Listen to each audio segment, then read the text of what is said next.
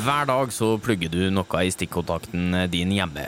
Om det er støvsugeren, mobilladeren eller kanskje ladekabelen til elbiler.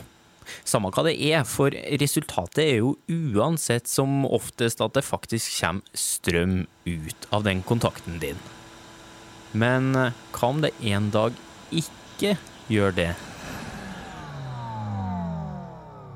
Det vil vi jo helst unngå. Så spørsmålet blir hvordan kan vi sikre at strømmen alltid kommer seg fram til stikkontakten din?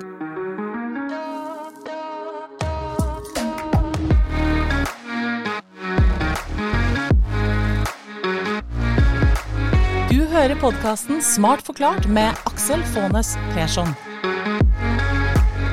Hjertelig velkommen til en ny episode av Smart forklart, podkasten fra oss i Sintef, der du risikerer å bli litt klokere og få litt større tro på framtida for hver eneste gang du lytter innom. I denne episoden så handler det om forsyningssikkerhet av strøm, altså hvordan vi kan sikre oss at vi hele tida har tilgang til strøm i hjem, industri og ja, samfunnet generelt. Og For å gi oss en smart forklaring der, har vi henta inn en helt ypperlig duo. Gerd Kjølle og Dag Erik Norgård, velkommen hit. Takk for det. Takk for det. Eh, Gerd, du er sjefforsker innenfor forsyningssikkerhet for elektrisitet i Sintef, og senterdirektør for et eh, nasjonalt eh, forskningssenter for smarte strømnett som heter Sineldi. Ja. Og Dag Eirik, du er forskningssjef for elkraftteknologi i Sintef og har doktorgrad i risikoanalyse av kraftnettet. Ja, det stemmer. Ja, så skulle jeg ramse opp en hel mengde med ting til som dere kan, men kort oppsummert så tror jeg vi bare kan si at dere har grei peiling på godt norsk. Takk, takk for det. Ja, bra.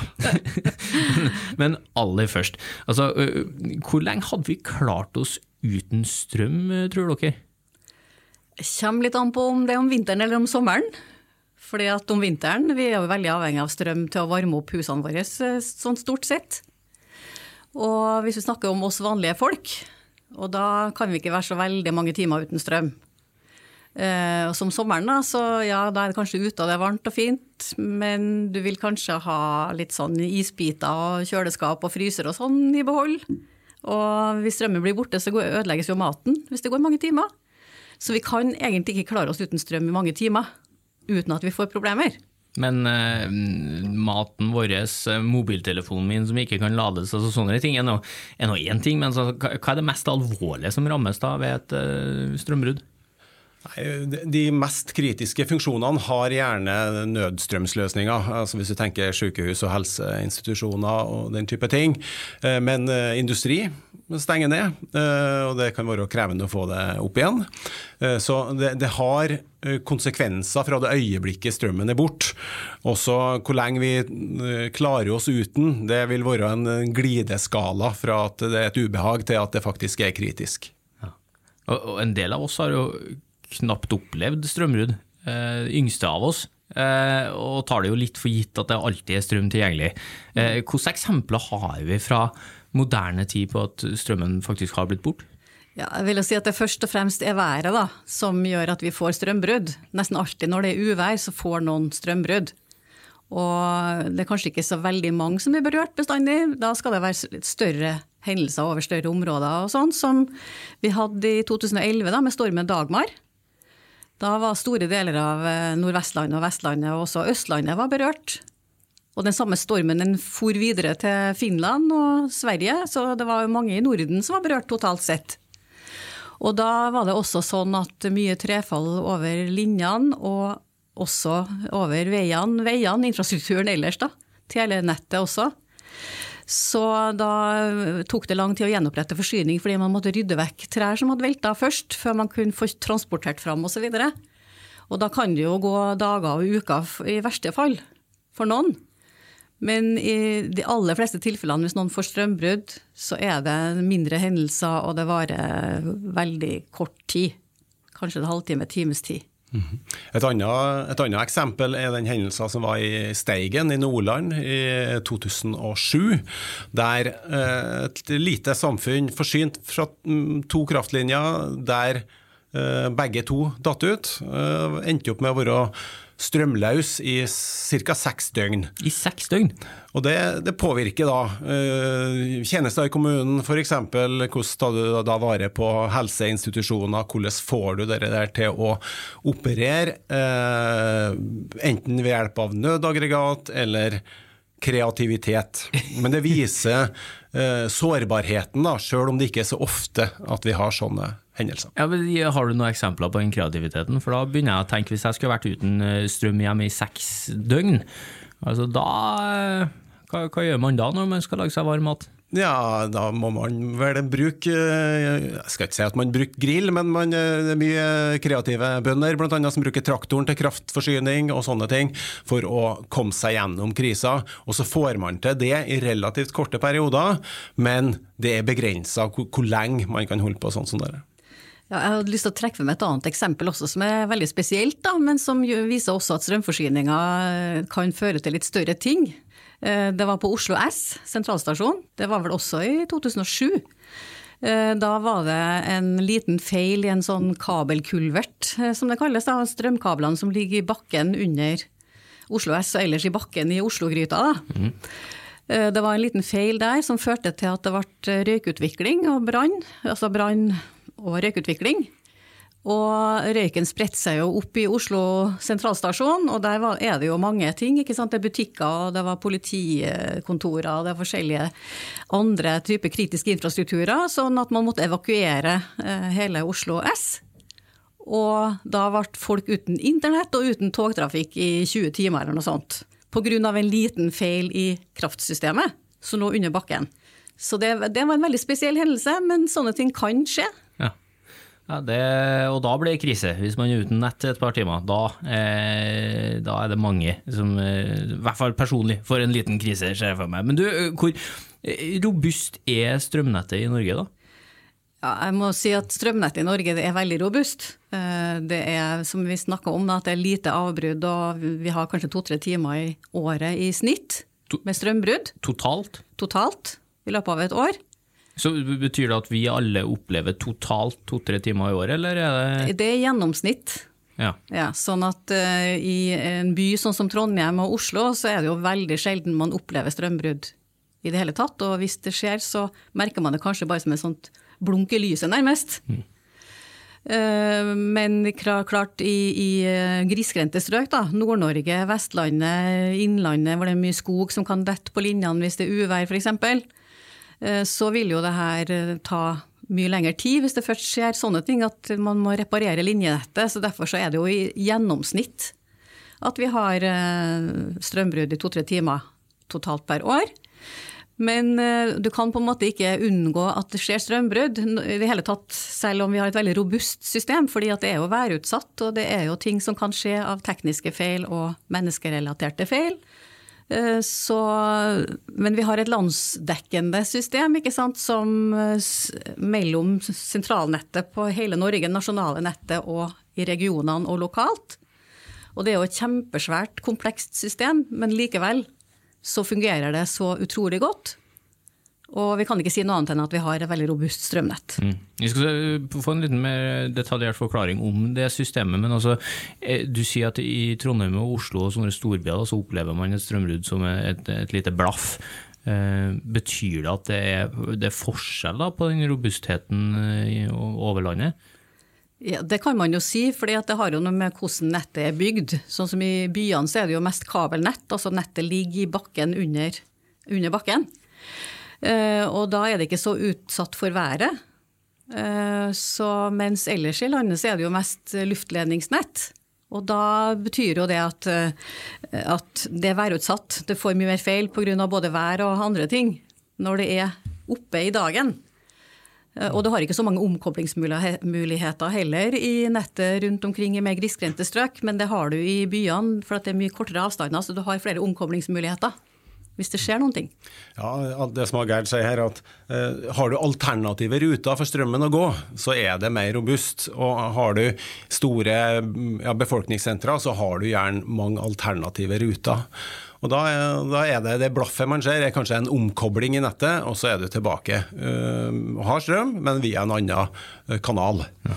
Så det, men er det færre folk som bor mindre, mindre antall hus, så er det som regel ei line eh, inn. Ja, litt mer utsatt. Eh, men bare for å ta det, da. Eh, hvordan fungerer det her strømnettet vårt? Ja, det er jo ei det er ei stor og sammensatt maskin. Strømmen må lages en plass, og så må den overføres, og så må den brukes. Og i Norge så er vi så heldige at vi har vannkraft, og de aller fleste eh, kraftverkene vi har i Norge, går på vannkraft. Vi har ca. 1700 vannkraftstasjoner i Norge. Og alle de der er med på å generere den elektrisiteten som vi trenger eh, sluttbruker, eh, som sluttbrukere. Og så er det da denne komplekse forbindelsen mellom produksjon via kabler og liner rundt omkring i landet til industri og sykehus og oss som, som uh, sluttbrukere. Uh, og det er et ganske omfattende og komplekst, uh, komplekst nett. da. Ja, hvor komplekst kan vi gå til verks når vi skal forklare det, ja, det er jo som Dag Eirik sier, at dette er jo en kjempesvær maskin. Og det sies å være den største menneskeskapte maskina, fordi at det er så utrolig omfattende system. Og hvis jeg tenker bare Norge, da, Eh, så vi har jo det store riksdekkende nettet som vi kaller sentralnettet.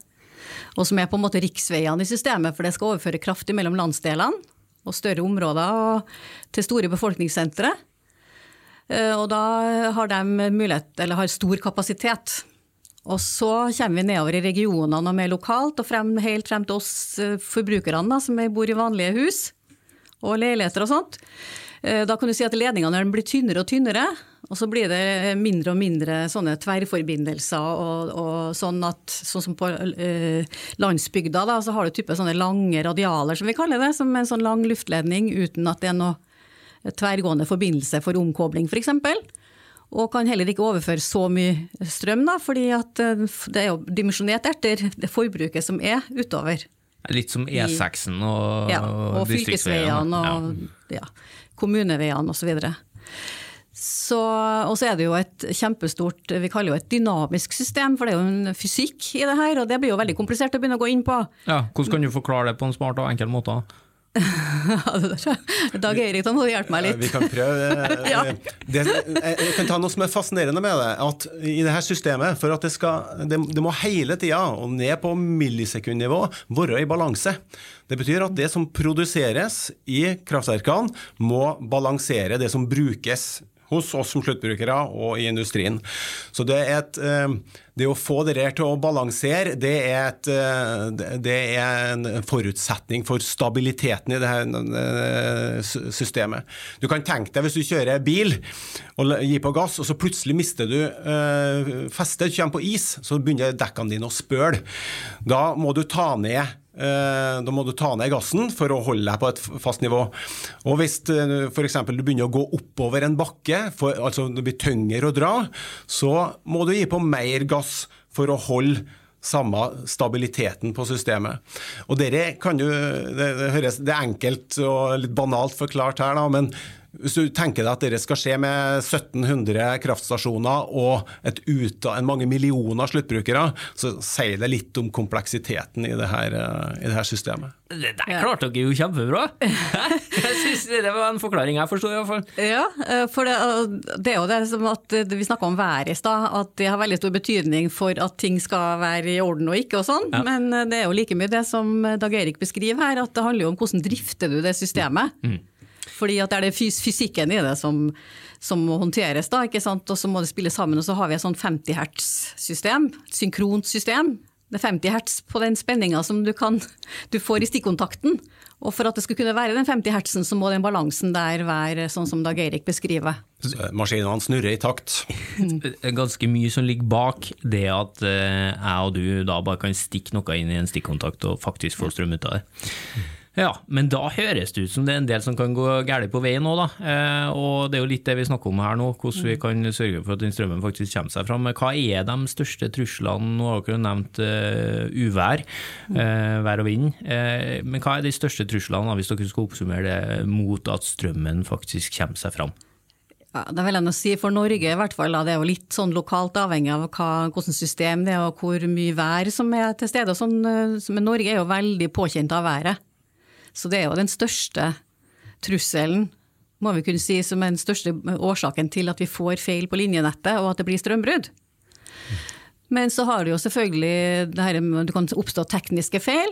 Eh, Pga. at det er noen komponenter som ikke har den påliteligheten som de burde ha hatt. Det kan være aldrende, eh, gamle komponenter noen plasser. Eh, og så er det jo det sinnrike systemet om hvordan det her systemet henger sammen i drift. Da. Det er den dynamikken vi snakker om som kan føre, sånne, til driftspåkjenninger. Men det er heller ikke noe sånn stor trussel, vil jeg si. Nei, øh det, er et hierarki her, altså vær som det verste, og så degradering, altså type teknisk degradering. som Gerd viste et eksempel her, at en, en kabelbrann som da skyldes en feil, kan eh, resultere i, eh, i ganske store hendelser. Så kan man ha mange sånne som også gir små eh, avbrudd. Og så har du I den andre enden av denne skalaen så har du det vi kan kalle for villa hendelser. Det har vi hatt eh, er vi forskåna for i, i Norge. Eh, har vært det. Og så har vi sett eksempler på det senest nå i Ukraina på både på cyberangrep og, og angrep på teknisk infrastruktur. Så det er en Eh, det er et spenn da, med type trusler som kan eh, problemet her. Ja, for Villa angrep det er rett og slett at noen eh, faktisk går med mål om å ødelegge strømnettet vårt. Så som du sier, nå er det jo, eh, etter at Russland gikk til angrep på Ukraina, så eh, har jo cybersikkerhet blitt høyaktuelt. Eh, en alvorlig og trist krig som da også blir utkjempa digitalt. Men, men, når vi er inne på det, altså hvor stor trussel er cyberangrep for strømnettet? Ja, Det er vel litt ukjent for oss egentlig, men vi snakker jo om at det her er en økende trussel. fordi at man ser jo cyberangrep i mange sammenhenger ellers i samfunnet. Og når vi også har sett eksempler i elforsyningen, da, eh, så, så, har vi jo en forventning om at det er mange som driver og prøver seg. Eh, kanskje de har prøvd seg i mange måneder før ting skjer, og sånn f.eks., og så vet vi ikke noe mye om det. Eh, så hvor stort det kan bli, og hvor store deler av kraftforsyninga man kan ramme på den måten, det er jo litt ukjent. Mm. Så Vi har jo de eksemplene fra Ukraina i 2015 og 2016 hvor, eh, som ble hacka, da, eller det ble satt inn sånn derre eh, Hva heter det for noe? Feil, feilvare. Programvare. Eh, og hvor man ramma noen transformatorstasjoner i Ukraina, så det ble strømbrudd i noen timer. Så det kan jo skje, det er det kanskje det, det største eksemplene vi har på det. Men altså, hvordan, hvordan, beskytter vi i Norge oss mot at uh, noe sånt skal skje? da? Man har, eh, man har, stor oppmerksomhet og beredskap vil jeg si, på å, å beskytte de systemene som styrer denne komplekse maskinen som vi, eh, vi snakker om. Eh, og så er det ting der det fortsatt skjer mye forskning, det skjer mye utvikling på området for å sikre seg mot, mot, denne, type, mot denne type trusler. Uh, og det, det, er et nytt bilde som man, man etter beste evne prøver å, å, å gardere seg mot. Mm. Og man er i læring. Ja. Og bare for å si det også, så har vi en egen episode om eh, cybersikkerhet uh, ut uh, i Smart forklart, så om du som hører på nå har lyst til å høre mer om det, så finner du den episoden i arkivet vårt. Da går vi litt mer i detalj på det der. Men det her er jo interessant, da, for det er jo en del av utviklinga her bl.a. Å, å sikre seg mot sånn, sånn cyberangrep, da, potensielle angrep. Men sånn ellers, da. Det utvikler seg jo på flere områder av strømnettet òg. Hvordan jobbes det med å forbedre denne forsyningssikkerheten? Ja, vi, vi, kan jo se at en megatrend er økt elektrifisering. altså Det er stadig mer som går uh, på strøm. Uh, Bl.a. for å møte klimautfordringene vi står overfor. Vi må ha mer over på fornybare kilder. og Det betyr at vi står overfor en, en, uh, en økt utbygging, en, en, styrking egentlig av elkraftsystemet for å takle de utfordringene. Eh, både for å levere på det som vi allerede har gjort i, i mange år, men også å møte de nye, eh, de nye elektrifiseringsbehovene som kommer i samfunnet. Og Det handler om Eh, det handler om én ting, og det, det er å, å, styrke den fysiske infrastrukturen. Det handler om luftledninger, og det handler om transformatorer, og det handler om kabler. Og så handler det òg ikke minst om å bruke det vi allerede har, på en smartere uh, måte. Ja, det handler om å utnytte det nettet vi har best mulig, da. Ja, og det, Du jobber jo rett og slett med utvikling av smarte strømnett. Gerd, hva, er, hva er det for noe? Jo, det er jo strømnett som er digitalisert, sier vi. Altså at du bruker sensorer og kommunikasjonsteknologi og styringssystemer for å kunne overvåke hva som egentlig skjer i nettet. Eh, og kunne følge med f.eks. på hva er tilstanden på de ulike delene av nettet, da, med hensyn til hvor mye kraft kan du overføre f.eks. på en linje eller kabel. Eh, og det handler om å, å, sånn at du vet hva kan du overføre, hva trenger du. F.eks. eksempel, trenger du ny kapasitet, må du investere mer i nytt nett f.eks. Det må du jo selvfølgelig gjøre for å møte mye av den elektrifiseringa, men man kan bruke det nettet man har, smartere. Og da kan man også ta i bruk eh, fleksibilitet, sier vi. Altså at kraftproduksjonen og forbruket er fleksibelt på mange måter. At det kan flyttes når man bruker strømmen, f.eks når man skal lade elbiler. Eh, for å kutte effekttopper, for det er effekten som er dimensjonerende for eh, å bygge ut nett.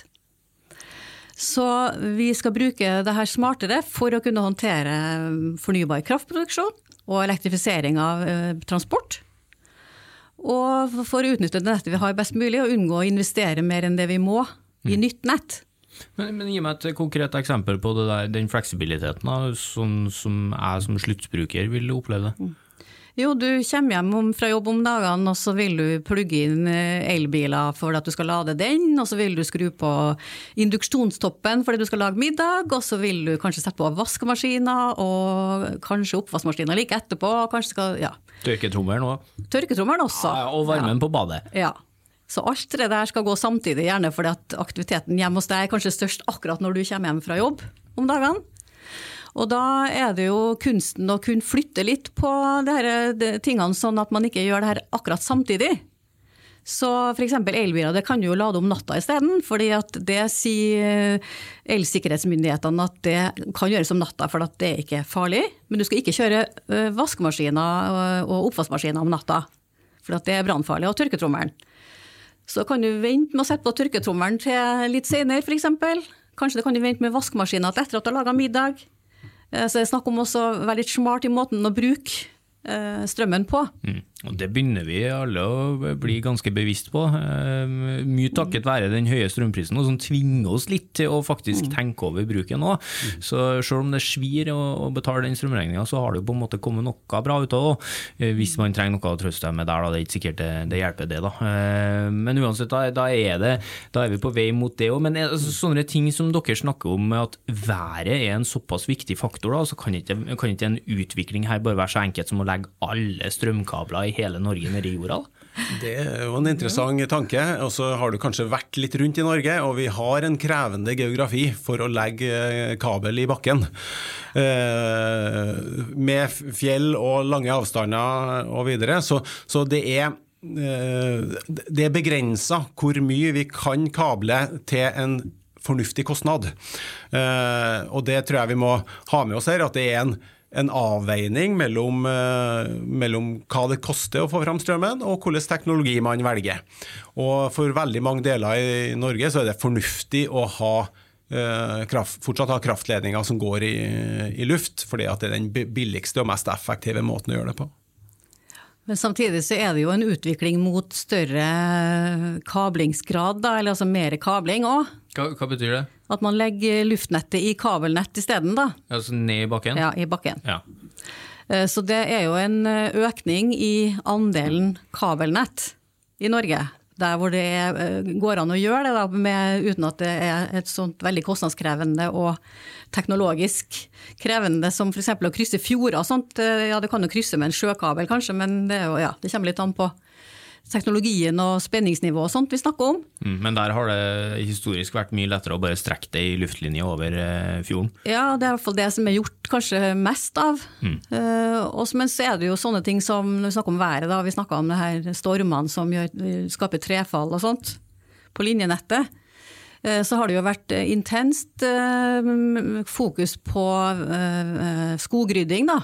Ja, noe så enkelt Over som noe så enkelt grepet, som skogrydding. Ja. Det er jo utrolig viktig at det blir gjort, som vi kaller optimalt, da, eller best mulig.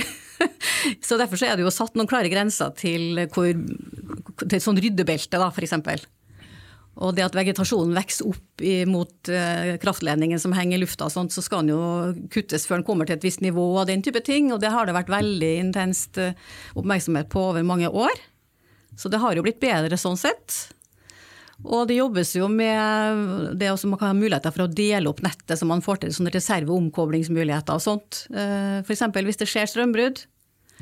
Eh, og ja, det jobbes jo hele tida, men altså når det kommer nye teknologier, så betyr det at når man skal sette inn nye komponenter i systemet fordi man skal bytte ut noe gammelt, så blir jo nettet hele tida sterkere sånn sett. Eh, og så har vi jo fått inn sånne ting som varsling om uvær. ikke sant? Hvis det er ekstremvær på gang, så får nettselskapene beskjed om det eh, så tidlig som det er mulig, å få den beskjeden ut. Og da kan man begynne å mobilisere eh, beredskap og, og kanskje legge om drifta av nettet litt, og sånt hvis at det ser ut som det kan ramme uvær akkurat i dette området, f.eks. Så det er veldig mange ting som har vært jobba med her i, for å forbedre forsyningssikkerheten. Ja, det er my mye enkelt og mye avansert som skjer, òg, hvis dere kan, kan ta oss med på det mest avanserte da, som, eh, som forskes på akkurat nå rundt strømnett. Ja, et eksempel på det er at uh, vi i Sintef er med på uh, teknologiutvikling knytta til superledning, altså storskala overføring av elektrisitet ved hjelp av superledning. Og det vil si tapsfri uh, overføring av strøm. I en vanlig strømledning så genereres det varme når strømmen går. I en superledende ledning så vil du få dere der uten tap. Det krever riktignok at det er veldig kalde temperaturer, men det er en teknologiutvikling som vi er med på, og som vi kanskje vil se nytten av i storskala eh, implementering om 10 år, 15 år, 20 år. Ja, for Sånn som det fungerer i dag, da, så når, det, når strømmen sendes fra A til B, så mister vi litt strøm på veien. Du får ikke ut like mye i B som du sendte inn i A pga. tap. Og det der holder dere på å fikse. Blant annet. Ja. Nei, men kanon. Eh, Og da er vi jo over på eh, litt oppløftende nyheter her, syns jeg dere har servert et par av eh, på slutten her. For det har jo vært en del skumle ting vi har snakka om. Det å miste strømmen i seg sjøl er jo litt skummelt å tenke på. Um, og alle de der farene som truer. Men er det grunn for meg og alle som hører på nå, å gå rundt og være bekymra? Nei, det syns jeg slett ikke at det er. Eh, Fordi at vi har et robust strømnett, vi har en god forsyningssikkerhet eh, i det hele tatt. I Norge og i Norden. Eh, Og, så det er jo de her hendelsene som kan bli store og sånn innimellom, men da er det alltid noe som gjør at vi kan få til den beredskapen som at den håndteres. Så det går jo ikke på liv og helse i noe særlig grad løs, selv om man kanskje kunne forvente seg det i verste fall. Det skjer veldig sjelden. Og kan du tenke deg framover nå, når du eh, Alle skal jo ha elbil eh, nå fra 2025. Skal vi ikke selge, noen biler som går på noe annet enn el eller hydrogen eller sånn? Eh, Da kan vi jo også se for oss at vi kan bruke den elbilen til å, produsere strøm hjemme hos, oss sjøl, hvis vi skulle miste forbindelsen til hovednettet. Ja. Nei, det er jo en, det er en samfunnskritisk infrastruktur. Og så er det sånn at den er så god at vi har kanskje litt lett for å ta den for gitt. Så vi må, eh, vi må ta vare på det som er, og vi må videreutvikle den teknologien og de systemene som skal til for å bevare den høye leveringssikkerheten vi har i Norge. Og det, det kan vi få til, men vi må som sagt ikke ta det for gitt. Nei. Og så trenger ikke vi å gå rundt og bekymre oss, da. For det her sitter smarte folk og tenker kloke tanker, og følger med. Mye folk som tenker kloke tanker, og mye gode nettselskap og folk i Norge som gjør god jobb på området. Det er godt å høre. Takk for at dere var med i Smart forklart, da, Gerd Kjølle og Dag Erik Norgård. Takk for det, hyggelig. Veldig hyggelig å være med. Eh, Og så kjenner jeg at det er godt å ha sånne som dere på laget, da. Sånn at resten av oss kan gå rundt uten bekymring for den strømmen som vi er så avhengig av i, i hverdagen. Eh, Takk også til deg som hører på, og om du syns det er interessant med strøm, så kommer det snart en episode der vi stiller spørsmålet er det nok strøm til alle, nå som mange av oss kjører elbil som har gært seg, og mye annet også går over til elektrisk kraft. Og så har vi også en episode ute der forskerne forklarer hvorfor vi havna i strømpriskrisa denne vinteren, og hvordan vi kan komme oss ut av den.